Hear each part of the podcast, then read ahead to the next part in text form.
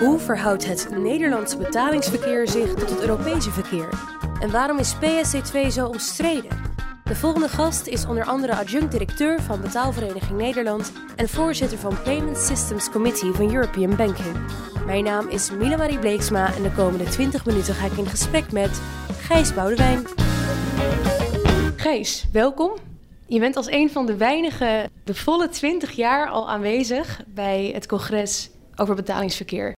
Kan je er wat over vertellen? Waar was het 20 jaar geleden? Hoe stond je daarin en hoe is het veranderd? Ja, de, titel is hetzelfde gebleven. Ook in 1999 hadden we het over de toekomst van het betalingsverkeer. Dat is het nog steeds. Alleen die zag er toen echt totaal anders uit. Ik heb het niet precies nagekeken, maar als je kijkt waar we toen mee bezig waren, dat was de invoering van de euro. Uh, wie weet dat nog, we waren heel technisch uh, bezig. In die tijd was betalen was een aparte stam, een aparte tribe, zo werden we een beetje gezien. Door de, de rest van, van de bankiers die in de financieringen en grote deals zaten. En dat waren een beetje de, de loodgietertjes die moesten zorgen dat het allemaal werkte in de infrastructuur. Uh, dat was allemaal niet sexy, er werd geen geld verdiend. Het, het moest allemaal, uh, altijd overal moest te doen. En dat was een soort onderwaardering. Maar dat gaf aan de andere kant voor de mensen die erin zaten en pas zagen. En je, moet het met Kruif, uh, je ziet het pas als je erin zit, hoe leuk het eigenlijk is. Omdat veel meer dan in andere takken van sport binnen de banken. Je moet samenwerken in dat betalen. Nou, dat, dat, dat is nog steeds uh, zo gebleven. Toen was het echt dus nog wat ondergewaardeerd. Uh, nou, wat grote stappen voorwaarts. Dan krijg je zeg maar de crisis in, in 2008 waar wij als betaalmensen helemaal niks van snapten. Want dat betalen, dat liep toch gewoon door. Hoe kan dat nou? Dat was niet onze crisis, we hadden hem niet veroorzaakt. En dat heeft ook wel veroorzaakt ja, dat er een soort herwaardering kwam voor betalen. Meer ja, een erkenning dat het toch wel belangrijk was... dat die transacties gewoon door waren gegaan, ondanks de crisis.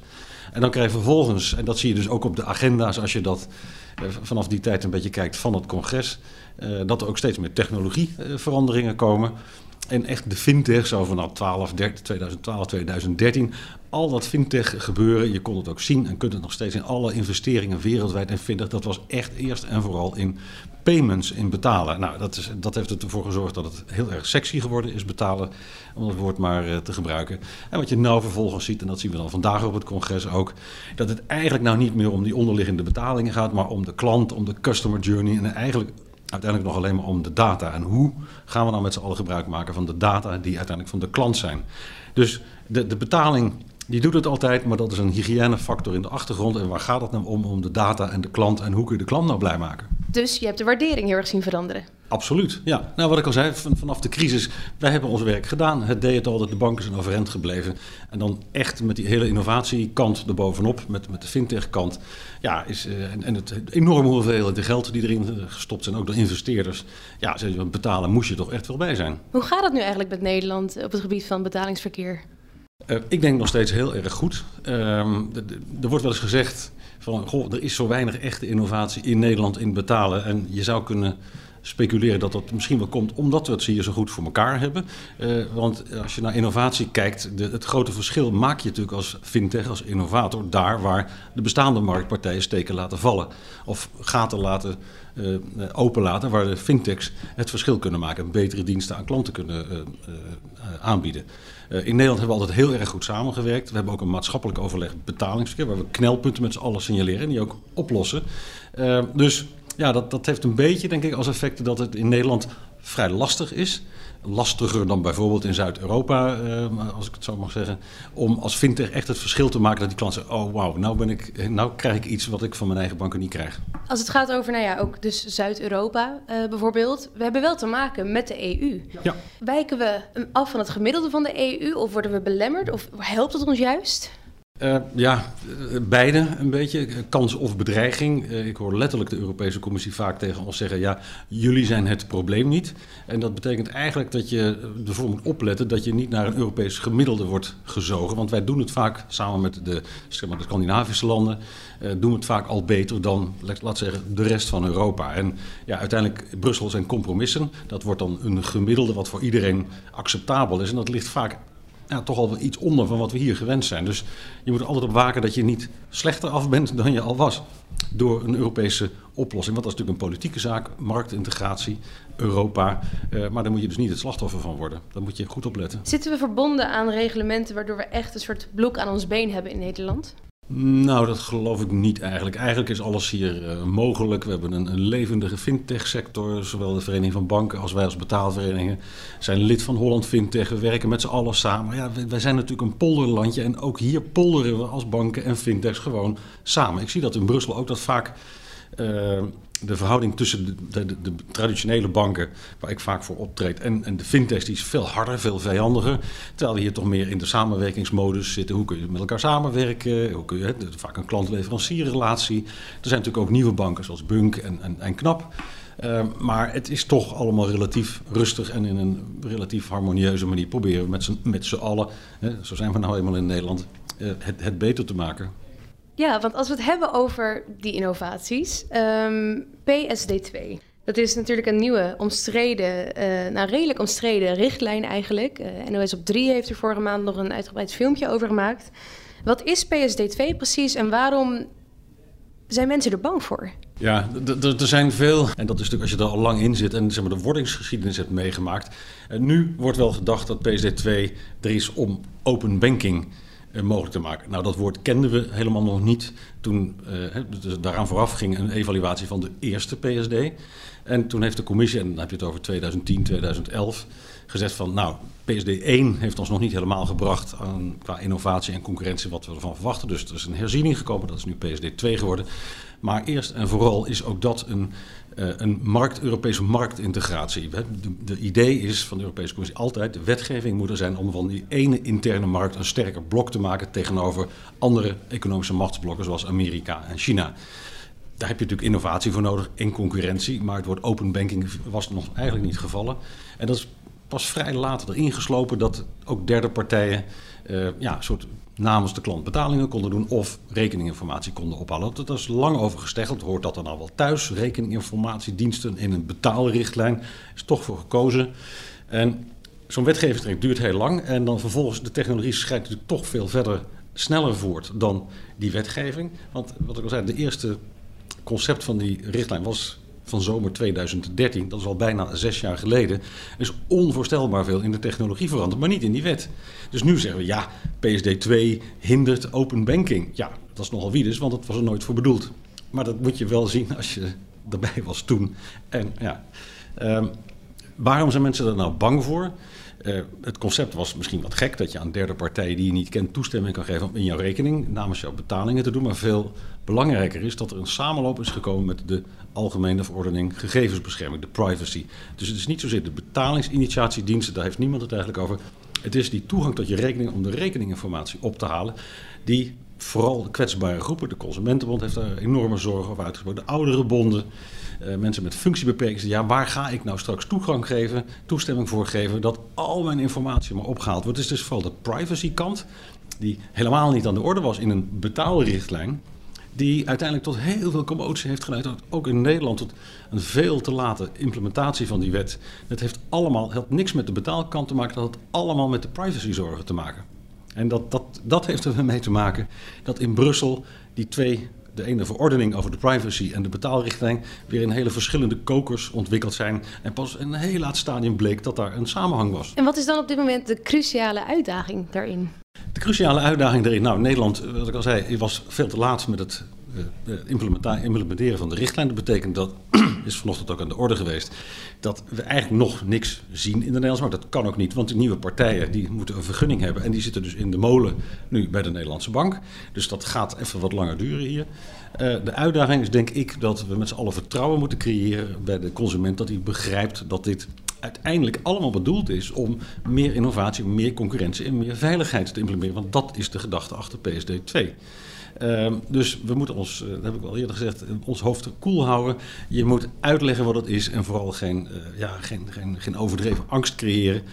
Uh, en, maar er moet wel transparant zijn, want er zijn gewoon zorgen, zeker bij de kwetsbare groepen. En de vraag is dus, hoe kunnen we met z'n allen die zorgen zo goed mogelijk het hoofd bieden. Want uiteindelijk de bedoeling is goed. We willen betere nieuwe diensten waar iedereen uiteindelijk lol van heeft, plezier van heeft. Dat is het idee erachter. En nou, hoe, hoe kun je dat met z'n allen doen? De Nederlandse Bank uh, heeft een, een, een bewustwordingscampagne van ze komen er aan, de nieuwe diensten. Uh, maar het gaat er ook vooral om hoe gaan die nieuwe dienstenaanbieders nou transparantie bieden over wat doen we nou met de data. Want dat, daar zit de grote zorg. Nou, als we dat vertrouwen kunnen, kunnen creëren, dan kunnen er mooie dingen ja. gebeuren. En wat zijn dan ook de, welke partijen ehm, gaan de dragers worden van deze innovaties? Nou, wordt wel uh, wat, wat verkeerd zien alsof het banken tegen de nieuwe fintechs is. Banken kunnen dat zelf ook allemaal doen. Dus er zijn twee nieuwe rollen gedefinieerd. Je mag rekeninginformatiediensten en betalingsinitiatiediensten doen. Banken die mogen dat ook. En dat betekent dat ik ook bij mijn bank kan blijven zetten. Weet je, ik geef mijn bank toestemming om rekeninginformatie bij alle andere banken op te halen. Dat hoeft niet bij een fintech of een nieuwe bank. Kan ook bij mijn eigen bank zijn. Nou, dat, dat weten we ook. De alle grote banken in het gaan die rollen ook spelen. Want die willen die klant graag houden natuurlijk. Dus er is ook wel eens gezegd, PSD2 uh, heeft zijn werk eigenlijk al gedaan voordat hij van kracht werd. Want het is wel vaak is het een ontzettende zeg maar, wake-up call voor de bestaande banken geweest. Jongens, als jullie je diensten niet beter gaan maken voor de bestaande klanten, dan zijn ze straks weg naar die nieuwe partijen. Die veel beter in staat zijn om heel snel mooie nieuwe apps te bouwen. Met een overzicht van je hele financiële situatie. Of een betere betaalervaring kunnen bieden. Dus voor de bestaande banken is het ook een enorme stimulans geweest om het beter te doen dan ze voorheen deden. Ja. En bij de, bij de Betaalvereniging Nederland er staat heel veel informatie, bijvoorbeeld op jullie website, uh, ja. veel factsheet. En um, ik vroeg me af, op wie richten jullie je? Voor wie zijn jullie nou belangrijk om deze informatie uh, aan te kunnen verstrekken? Ja, wij, wij hopen natuurlijk voor een zo groot mogelijke doelgroep. Uh, maar we zijn een vereniging van leden en dat zijn zowel banken als betaalinstellingen. We zijn niet alleen banken, maar ook de betaalinstellingen, dus ook de nieuwe partijen. En wij hopen dat die ook allemaal zoveel mogelijk lid bij ons worden. Want ondanks dat je uh, concurreert om de eindklant, zijn er onderliggend in de infrastructuur, en dat is nou eenmaal met betalen vooral zo, zijn er gezamenlijke afspraken waar iedereen zich aan moet houden, omdat het altijd en overal voor iedereen moet werken. Tussen alle banken, tussen alle banken en alle betaalinstellingen. En dat collectieve domein, zal ik maar zeggen, dat is waar wij ons op richten en waar iedereen dus uh, baat bij heeft. En dat is één, twee, nou, veel voorlichting, kennis verspreiden. Maar niet uh, onbelangrijk is dat ook met de nieuwe technologische mogelijkheden nemen ook de risico's van cybercrime toe. En een van de belangrijkste dingen die wij doen is het coördineren van de bestrijding en het voorkomen van, van cybercrime. Niet alleen binnen de sector, maar ook in samenwerking met politie, justitie, het Nationaal Cybersecurity Center. Want het, het wordt met uh, door al deze mooie nieuwe ontwikkelingen, door de digitalisering, worden de risico's natuurlijk ook exponentieel veel groter. Uh, vroeger wilde men uh, natuurlijk de, met, een, met een snijbrander de, de fysieke kluis van de bank openbranden de bankbiljetten te pakken. En nu wil je de digitale kluis openbreken om daar het digitale geld van de klanten te stelen. Dat het principe is nog steeds hetzelfde, alleen de schaal waarop het mogelijk wordt is uh, soms wel angstig. Echt, die cybercriminaliteit, uh, heeft die echt een enorme vlucht genomen in de afgelopen jaren? Nee. Wat, voor banken is het voorkomen van fraude natuurlijk is altijd core business geweest. sinds ja, de bankbiljetten in de kluis lagen waren de dikke kluisdeuren. Ja, natuurlijk gaat dat soms wel eens fout, maar je, het is een, altijd een wapenwedloop met de criminelen geweest. eerst moesten de tralies, vervolgens komt de kogelvrij glas en dan moeten weer dikkere, dikkere kluisdeuren. Nou, en nu zit je even in de digitale wereld. Ja, overdrachtelijk gezien heb je daar ook kluisdeuren. En ja, soms weet een crimineel er doorheen te breken en zeggen: Oké, nou, de, digitale kluisdeur moet dikker gemaakt worden of de code moet uh, beter voor elkaar. Dus je probeert ze altijd voor te blijven in de wapenwetloop, maar voor de banken is dat eigenlijk gewoon normaal. De normaalste zaak van de wereld. Het gedrag van de klanten verandert, de criminelen ook. Uh, nou, dat, dat, is gewoon core business. Uh, en we zijn er in ieder geval Nederland tot dusver heel goed in geslaagd om juist door die samenwerking, ook niet alleen binnen de sector, maar met politie en justitie, om die fraude heel laag te houden. Vind ik eigenlijk heel goed nieuws, want ik denk dat het algemene uh, beeld is van Nederlanders die niet heel betrokken zijn bij betalingsverkeer. Nou, er, er, worden heel vaak gaan er regeltjes rond die we niet moeten doen omdat het heel gevaarlijk is. Ja. Terwijl eigenlijk vertrouwen wij bijna te weinig op onze bank dat zij ook ons helpen om ons geld te beschermen. Dat klopt. Ja, maar ja, dat ziet de consument natuurlijk niet. Maar er worden natuurlijk honderden miljoenen euro's per jaar door banken uitgegeven. Niet alleen aan mensen, maar transactiemonitoring, detectiesystemen. Die allemaal in de achtergrond uh, draaien. En het enkele feit dat je van een openbaar wifi-netwerk uh, gebruik maakt, maakt nog niet een, een bankaire fraude mogelijk. Alleen, ja, voorkomen is beter, dus alle beetjes helpen. Het gaat om je gedrag je als klant zorgvuldig. Het allerbelangrijkste fraudefenomeen is nog steeds, dat heet dan social engineering. Het zit niet in de technische onveiligheid, het zit erin dat mensen verleid worden met allerlei smoesjes, met allerlei fake websites, rare e-mailtjes.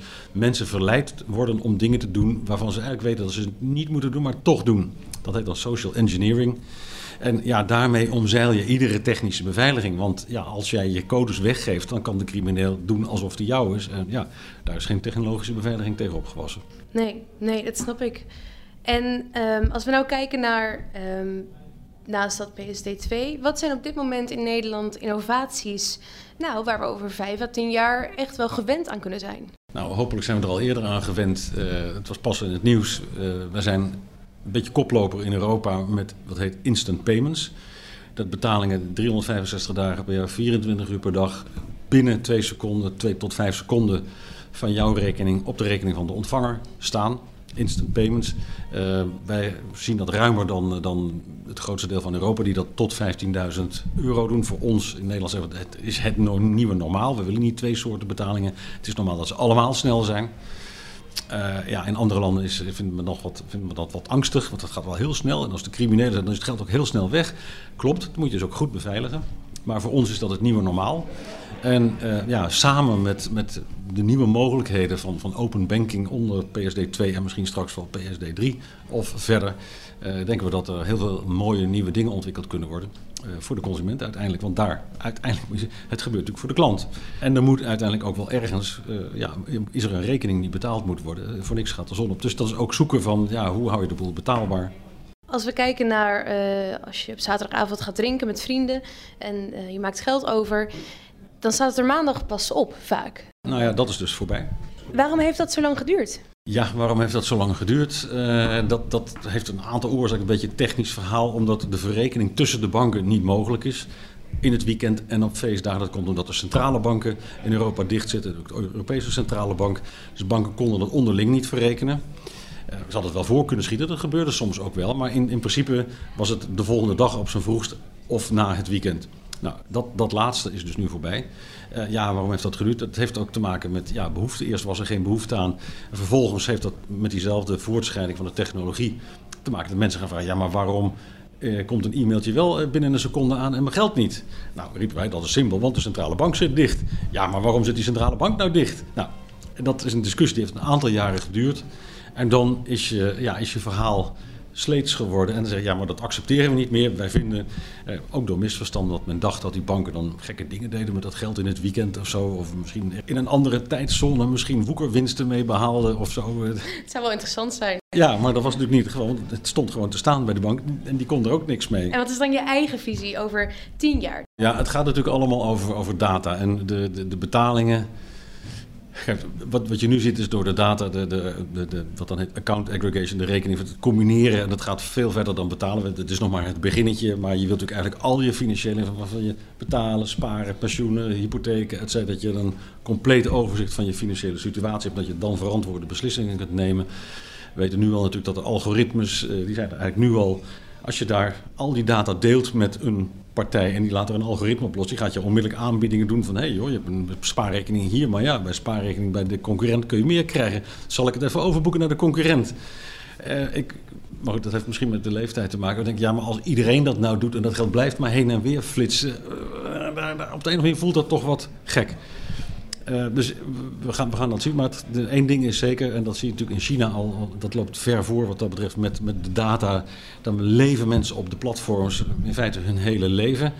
Uh, je komt meer op ethische en filosofische vraagstukken uit inmiddels dan, dan op technische vraagstukken. Technisch kan alles met biometrie of gelaatsherkenning of weet ik veel wat.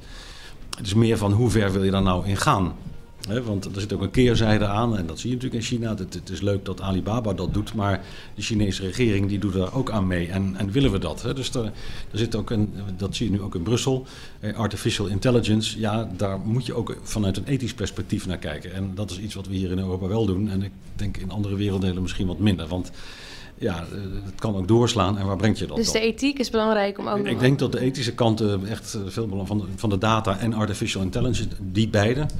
Uh, want waar blijf je straks, zeg maar, dat wordt dan al heel filosofisch, als, als individu. Wil ik nou continu door algoritmes boodschappen krijgen van, goh, u was hier of daar en uh, zou u niet dit of dat willen? Ik wil gewoon misschien ook wel met rust gelaten worden. En heb ik die keuze straks nog wel. Ja. Maar goed, dat heeft dus helemaal niks met, met het feit of ik nou wel of niet kan betalen te maken. Mm -hmm. Dus ik zeg, betalen is het probleem niet. Dat, dat gaat naar prachtige, seamless customer journeys, zoals het netjes heet. Uh, daar, daar, zitten ook nadelen aan. Soms mensen, ik een klein beetje frik zijn dat ik nog steeds weet dat ik iets, iets betaal. Hè. Dat ik, sommige mensen willen daarom alleen maar contant betalen. Dan weet ik ook dat ik het doe. Dat geld ook echt kwijt ben. Het moet niet te makkelijk worden. Uh, het gaat om dat mensen ook goede betaalervaringen hebben. Maar dan gaat het om de daden. Ja, 2000, over 10, 15 jaar durf ik geen uitspraken, echt harde uitspraken doen. Anders dan dat consumentengedrag is toch vaak langzamer, verandert langzamer dan, dan je denkt. Wat technisch mogelijk is, wil nog niet zeggen dat alle consumenten dat ook maar gaan doen. Er zullen altijd koplopers zijn, maar de grote massa consumenten ja, ik ben best tevreden met wat ik heb. We gaan het zien. Dankjewel, uh, Gijs.